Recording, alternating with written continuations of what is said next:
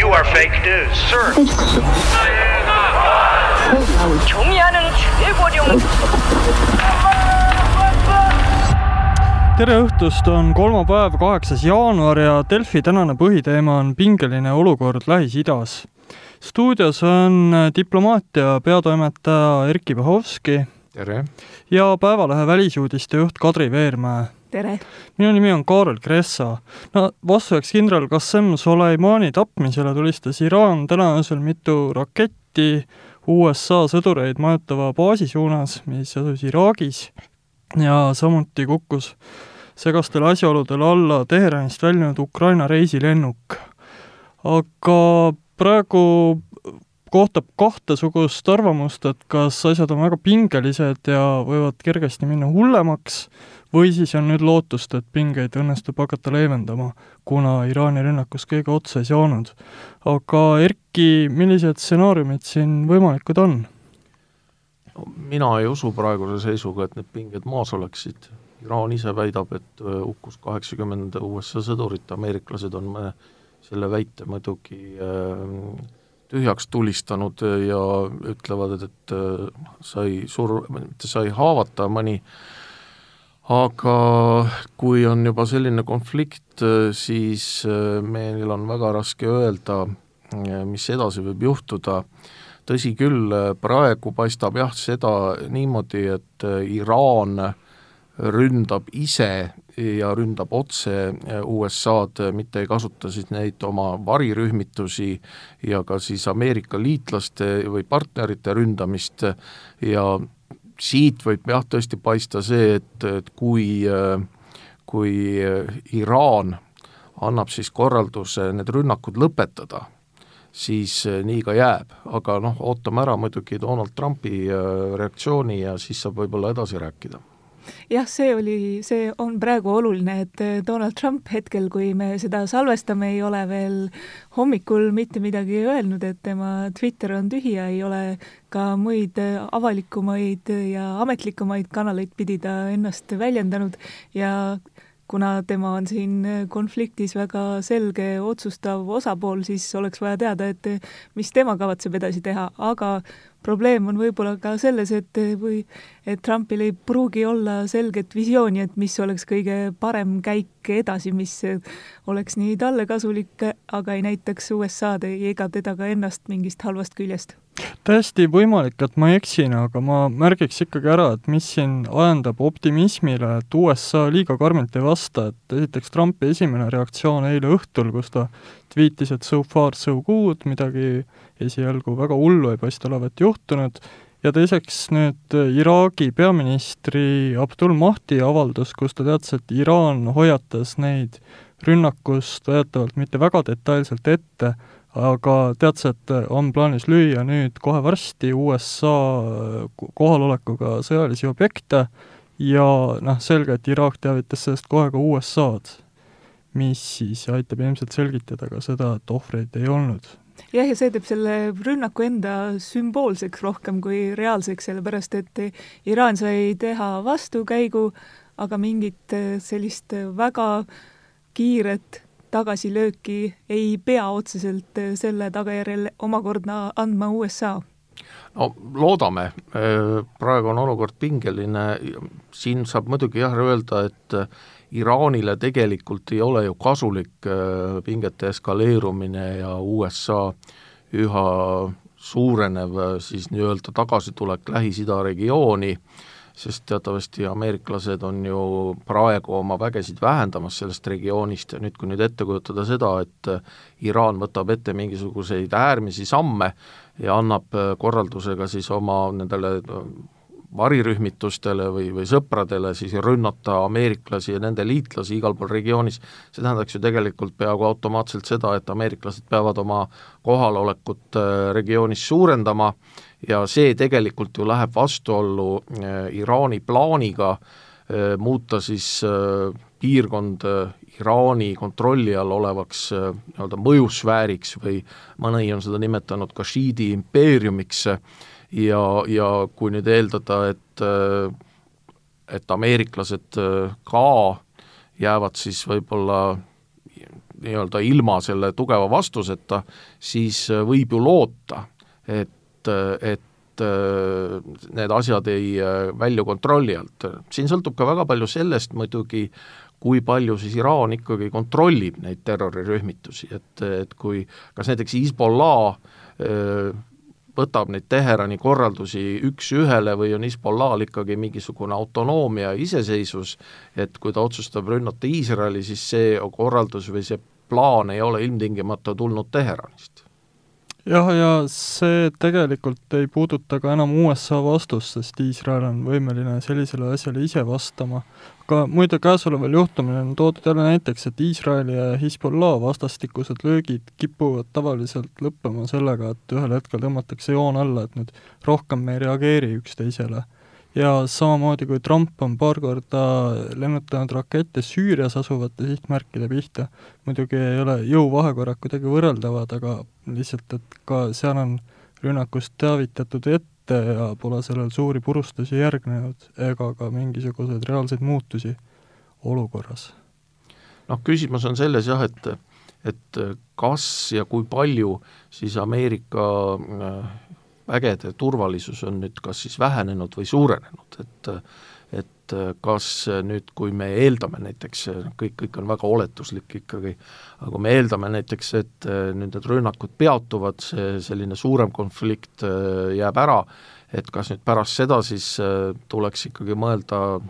nii-öelda julgeoleku suurendamisele, julgeolekuabinõude suurendamisele, või võib siis nagu kergendatult hinnata, no ma arvan, et ikkagi midagi nagu tehakse selle nimel, et siis äh, ameeriklased ja ka NATO väed, kes on Iraagis, kaasa arvatud siis äh, Eesti sõdurid,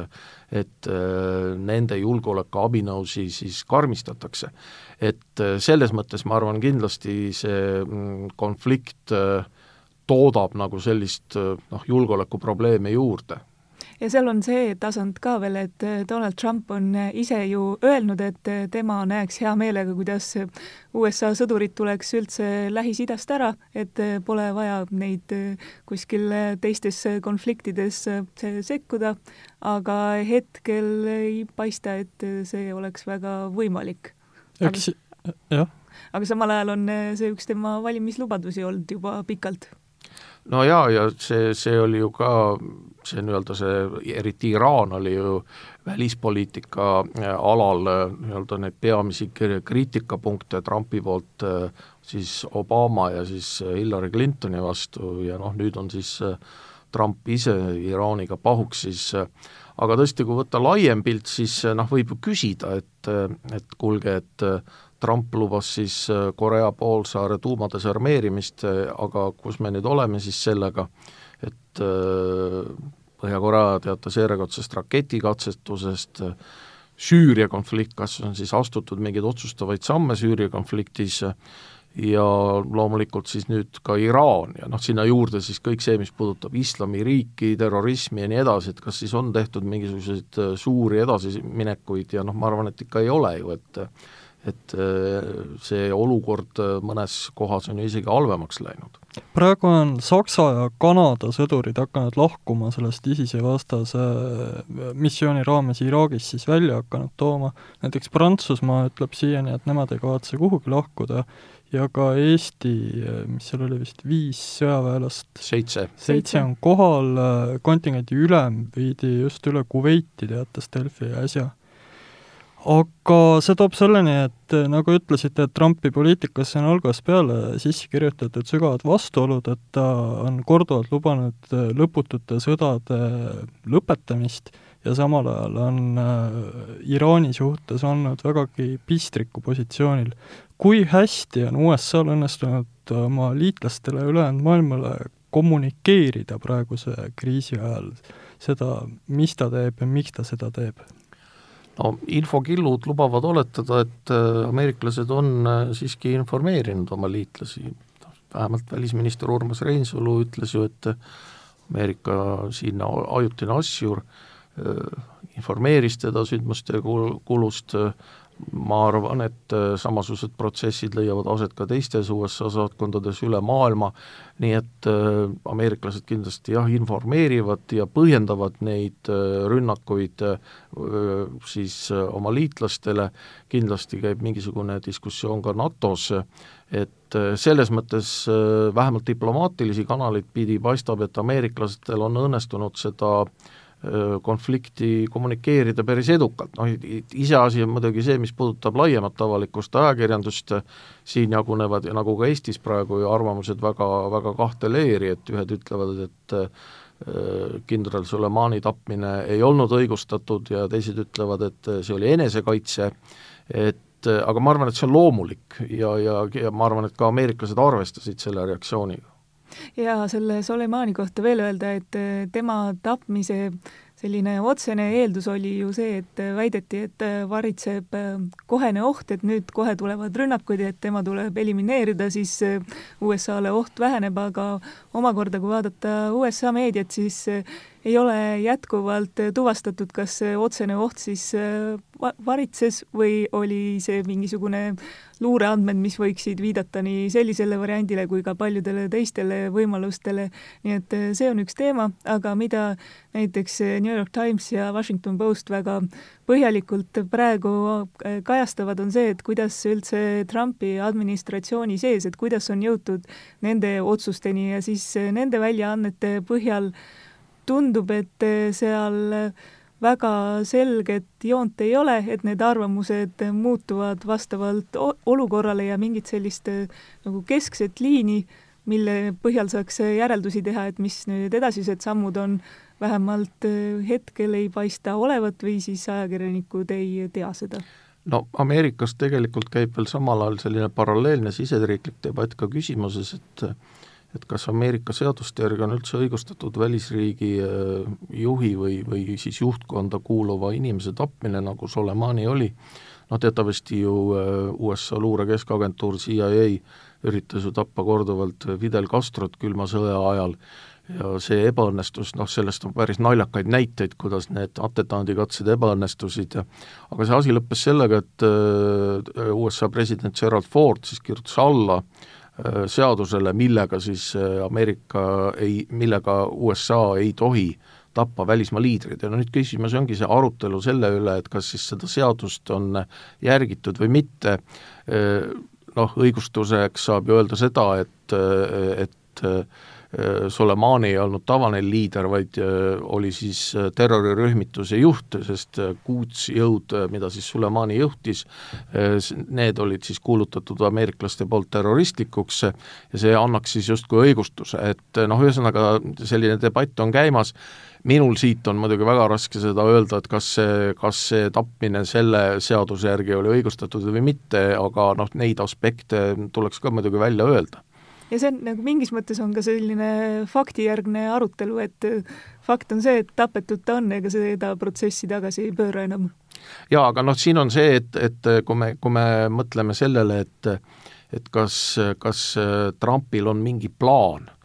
ja see on muidugi miljoni dollari küsimus, et noh, laiem küsimus on see, et kas USA-l on üldse mingisugune strateegia, mida siis Lähis-Idas teha, et et et äh, võiks ju kas või kaks sammu ette mõelda, et äh, jah, et äh, võtame oma väed välja ja hoiame kulusid kokku, see on täiesti arusaadav loogika ja, ja ja, ja argumenteeritav. aga noh, iseküsimus on selles, et rahvusvahelises poliitikas ja eriti julgeolekupoliitikas ja võib-olla ka geopoliitikas on ju ikkagi see, et et kui sa lähed sealt ära, siis kes tuleb asemele, et kes saab siis nagu selle võimupositsiooni. ja noh, me teame, et seal on nagu mitu sellist suurt mängijat, on muidugi Venemaa, aga on ka Hiina juba. Ja noh, Iraan on ja siis on, eks ole, selle regionaalse mõjuvõimu pärast siis äh, võitlevad riigid nagu Iraan, Saudi Araabia, Türgi, aga võib-olla ka Egiptus, et kes kõik tahaksid selles piirkonnas domineerida. Ja kui ameeriklased ütlevad, et vaadake, et me lähme nüüd ära, siis tekib ju ikkagi see küsimus, et, et kes siis saab asemele. ei ole päris niimoodi, et, et tekib selline võimuvaakum, et see täidetakse alati, aga see, see täitmine, just see protsess on väga keeruline ja, ja, ja, ja siin on see konflikt peidus. ja seetõttu ma olen natuke kahtlev, et võib-olla see küsimus Ameerika ja Iraani vahel suudetakse lahendada, aga see, see põhiprobleem siis ikkagi jääb, et kui ameeriklased jäävad sellest regioonist kõrvale, kes siis tuleb asemele ja, ja mis vahenditega? siin ma kuulen juba Iraani julgeolekuanalüütikuid hüüatamas, et täpselt sama kehtib ka Süüria ja Iraagi puhul, et kui Iraan tõmbab oma tohutu mõju sealt välja, siis mis õigupoolest tuleb asemele. Aga huvitav on märkida siinkohal seejuures, et Iraagi kurdi ja sunniidi poliitikud äh, on üsna üheselt Ameerika-meelsetel seisukohtadel ja ei muretse niivõrd Iraagi suveräänsuse rikkumise pärast, mida teevad siis nii Iraan kui USA Iraagi territooriumil Iraagi relvajõudude pihta õhulöökide jagamisel. Aga sunniite kurde huvitab hoopis see, et USA väed mingil juhul ei lahkuks. ja see on nüüd küll üks asi, mis on muutunud võrreldes nullindate Iraagi rahutute aegade või kodusõjaga, kus sunniidimässulised olid USA vastu ja juhtis šiitlik valitsus? No ma arvan, et, et osaliselt selle praeguse konflikti võtmeid tuleks otsida tõesti sellest Iraagi invasioonist kahe tuhande kolmandal aastal ja ja juba siis öeldi, et hea küll, et Saddami vägedega saadi hakkama, aga mis edasi saab, et juba siis räägiti sellest, et ameeriklastel ei ole Iraagi suhtes mingit plaani et paljud need inimesed, kes siis pandi Iraaki juhtima, ei tundnud üldse regiooni, ei osanud araabia keelt ja nii edasi, aga nendel olid siis teened toonase president George Walker Bushi ees ja, ja, ja tulemuseks oli siis kaos. ja noh, võib-olla siis äh, läks neli-viis aastat mööda, siis Iraagis saadi olukord veel enam-vähem kontrolli alla, aga see põhiprobleem on ikkagi sama, et et äh, Iraak on selline plahvatusohtlik regioon, no me teame seda, et Iraak pandi ju kokku pärast Esimest maailmasõda suhteliselt kunstlikult, sinna jäid elama siis erinevate rahvuste ja erinevate usundite esindajad ja see ei ole seda probleemi sugugi kergemaks teinud. Ja siin veel see aspekt, et kuhu on jäänud Euroopa kogu selles kriisis, et äh, Euroopa Komisjoni uus juht Ursula von der Leyen, Leyen, kes lubas äh, uut geopoliitilist võimu hakata näitama, oli mitu päeva vait, praegu äh, juba tunneb suurt muret. samamoodi Suurbritannias on kriitika alla langenud Boris Johnson, kes veetis mitu päeva soojal maal puhkusel ja ilmus samuti alles nüüd selle nädala alguses välja. Prantsuse president Macron pidas kohe alguses telefonikõne Vladimir Putiniga, mis on ka päris märgiline aga üldiselt, et kuidas Euroopa ennast on näidanud selles kriisis, kas üldse saaks midagi paremini teha? no kui vaadata, siis äh, Euroopa Liidu välispoliitika juht Josep Borrell kohe, kui see konflikt läks äh, teravamaks, äh, siis ta kutsus Iraani välisministri Brüsselisse, et arutada selle üle, et kas tuumalepet on võimalik mingil mingis vormis säilitada, aga see oli täpselt sama päeva õhtul, teatas Iraan ise, et loobub tuumaleppe täitmisest kõigiti. nii et äh, ma ei tea, kas nüüd Zarif tuleb Brüsselisse, kas tal on üldse mõtet tulla, et kas meil, kas meil on üldse rääkida millegi üle, aga kui vaadata Euroopa reaktsiooni üldisemalt, siis äh, midagi väga selget ja ühtset ei ole, et mõistetakse hukka, mõi-, ei, mitte ei mõisteta hukka, vaid just äh, on väljendatud arvamusi, et USA-l oli õigus ikkagi Ira-, Iraani kindralit tappa, aga samal ajal tuleks ikkagi võtta suund deeskaleerumisele, nii et see on niisugune üsna mitte midagi ütlev jutt ja vist keegi väga ei tahagi praegu sel hetkel midagi öelda, sellepärast et võib-olla tuleb see lause valel ajal ja hakkab kuidagi enda vastu tööle hoopis. no Euroopa Liidu jaoks on muidugi probleem selles, et et see Iraani tuumalepe oli enam-vähem ainuke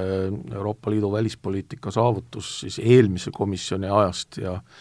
ja kui nüüd siis see tuumalepe nagu täiesti vastu taevast lendaks, oleks siis ka Euroopa Liidu selline välispoliitiline nii-öelda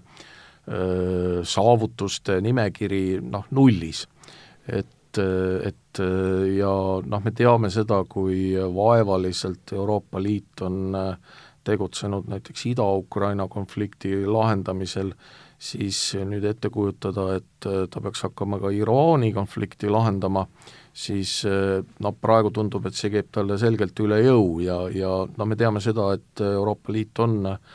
veel praegu kahekümne kaheksast liikmesriigist koosnev ühendus ja see tähendab ka seda, et mingisuguse kokkuleppe või siis sellele kõrgele välisesindajale mandaadi andmine äh, mingisuguses küsimuses võtab aega, no ja siin on tõesti ka see, et äh, Euroopa ametnikud ilmselt olid siis jõulu- ja aastavahetuse puhkusel ja ei jõudnud siis enne üldse Brüsselisse koguneda, et, et see rünnak tuli ju kolmandal jaanuaril ja, ja selleks ajaks äh, ilmselt ei olnud veel nagu keegi oma töölaua taha jõudnudki jaa, paljudel ametnikel algas ju alla, alates sellest esmaspäevast lõppes puhkus ja algas töö, nii et need äh, tulised sündmused olid selleks hetkeks juba hakanud lahti rulluma korralikult. Ma korra veel lõpetuseks viiks jutu sellele Ukraina lennuki hukkumisele, sest et kõik faktid, mis praegu õhtuks välja on tulnud, nii palju kui neid on, on veelgi koledamad kui õhtul. Et äh, nimelt äh, lennufirma kinnitusel oli tegu väga heas korras uue lennukiga, mida alles kaks päeva varem kontrolliti, kolm pool aastat vana, BBC analüüsi järgi lennuk kadus ootamatult kahe tuhande neljasaja meetri kõrgusel, et äh, esi-, Iraan keeldub andmast musta kasti üle Boeingule, kuna see on USA firma, ühesõnaga üsna murettekitavad märgid, et see ei pruukinud olla tavaline lennuõnnetus, kukkus ta alla vist mõni tund pärast seda, kui Iraan need raketid välja lasi. aga samas on tegu ikka äärmiselt arusaamatu juhtumiga, sest asi toimus Iraani õhuruumis pärast Teheranist üles tõusmist, pool lennuki pardal olnud inimestest olid iraanlased, kes olid peamiselt tudengid, kes suundusid Ukrainasse samuti oli seal üle kuuekümne Kanada kodaniku ja siis veel näpuotsaga Euroopa kodanikke. aga samas, kui vaadata või kui ma olen vaadanud neid reaktsioone, siis on on osa, mis läheb kohe igasuguste äh, väga konkreetselt vandenõuteooriatena tuvastavate juttude poole. Ja siis on need, kes äh, toovad välja, kuidas Boeingu, Boeingul on endal olnud äh, viimasel ajal väga palju probleeme, et kas võib-olla on see lennuki enda viga, mitte see ei ole mingi selline kuskilt saboteerimise tagajärjel saabunud õnnetus, aga mina praegugi, praegu pigem ikkagi tahaks eeldada, et see on selline väga halb kokkusattumus, mitte mingisugune mahhinatsioon. nojah, siin muidugi tekib küsimus ja noh, see kõik on väga-väga spekulatiivne, et eh, tekib muidugi küsimus, et, et noh, kui selle asja taga oli Iraan, siis mi-, miks just seal, et ju, et ta alles ju tõusis õhku, et kui nüüd ette kujutada, või tõmmata paralleele siis selle õnnetu Malaisia Äh, lennukiga, Malaisia Airlines lennukiga, mis siis lasti alla Ida-Ukraina kohal, siis oli ju selline, ta lendas üle selle nii-öelda selle ebaselge piirkonna, kus siis olid ka need nii-öelda need äh, separatistid, et äh, kui nüüd ette kujutada, et, et Iraan on selle asja taga ja ma kordan veel kord üle, et kui ette kujutada, et see kirjapildis on spekulatsioon trükitähtedega, et, et et äh, miks siis nagu siis äh, Teheranist, et äh, see, siis oleks võinud ju Iraan lasta selle lennukil ikkagi lennata natuke ja siis võib-olla see lennuk oleks jõudnud Iraani õhuruumist välja, siis nii-öelda nagu ma juba ütlesin, siis Iraanil on neid sõpru ju seal mujal riikides päris palju ja siis oleks võinud ju sealt seda lennukit tulistada ja noh, teine küsimus on see, et miks just see lennuk siis. et kui seal peal olid ka iraanlased ja Kanada kodanikud, siis ju võiks ju eeldada, et siis ju võiks ju tulistada seda lennukit, kuhu, kuhu on äh, peale läinud siis äh, ameeriklased näiteks või, või, äh, või siis ka ütleme, Briti kodanikud, et et noh, sellised küsimused tekivad, aga, aga äh, inimesed on oma elud kaotanud ja seetõttu ei tahaks ka väga tegelikult siin spekuleerida. no see toob jälle selle juurde, et väga raske on midagi otsustada, kui riik nagu Iraan oma ütlustega lihtsalt ei ole väga usaldusväärne, rääkimata võib-olla ka mõnedest muudest väidetest, mida on kriisi vältel tehtud, näiteks USA asepresident Mike Pence jõudis nädal tagasi väita, et Iraan koos kindral Soleimaniga osales ka üheteistkümnenda septembri terrorirünnakus. aga sellega hakkab meie aeg lõppema, kui ei ole rohkem repliike, siis ütlen teile aitäh ja nägemist, mina olen Kaarel Kressa, see oli Delfi välisnädal, kuulmiseni! You are fake news, sir. 경의하는 최고령